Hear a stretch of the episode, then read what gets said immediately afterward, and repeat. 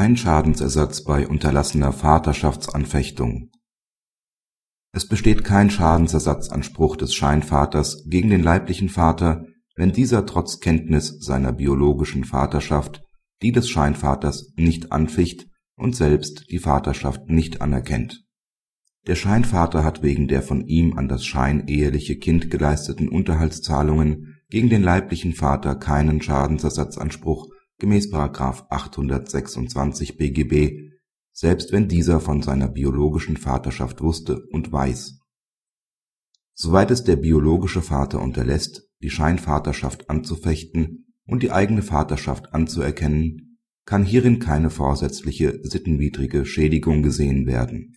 Bis zur Gesetzesänderung des § 1600 Absatz 1 Satz 2 BGB zum 30.04.2004 aufgrund der Entscheidung des Bundesverfassungsgerichts vom 9.04.2003 wäre ihm eine Vaterschaftsanfechtung schon rein rechtlich nicht möglich gewesen, da er nicht zum Kreis der Anfechtungsberechtigten zählte.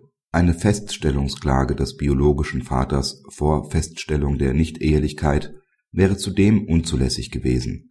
Der zum 30.04.2004 geänderte Wortlaut des § 1600 BGB spricht dem leiblichen Vater nur die Berechtigung, nicht hingegen die Verpflichtung zur Vaterschaftsanfechtung zu.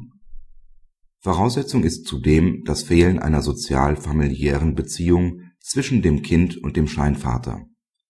Rein finanzielle Interessen eines Dritten bzw. des Scheinvaters reichen für die Begründung einer echten Verpflichtung zu einer Vaterschaftsanfechtung nicht aus. Eine unbedingte sittliche Anstandspflicht, sich zu einem leiblichen Kind zu bekennen existiert ebenfalls nicht. Praxishinweis Nach einer neuen Entscheidung des BGH kann aber die Rechtsausübungssperre des § 1600 Absatz 4 BGB in vereinzelten Ausnahmefällen im Unterhaltsregressprozess des Scheinvaters gegen den mutmaßlichen leiblichen Vater durchbrochen werden.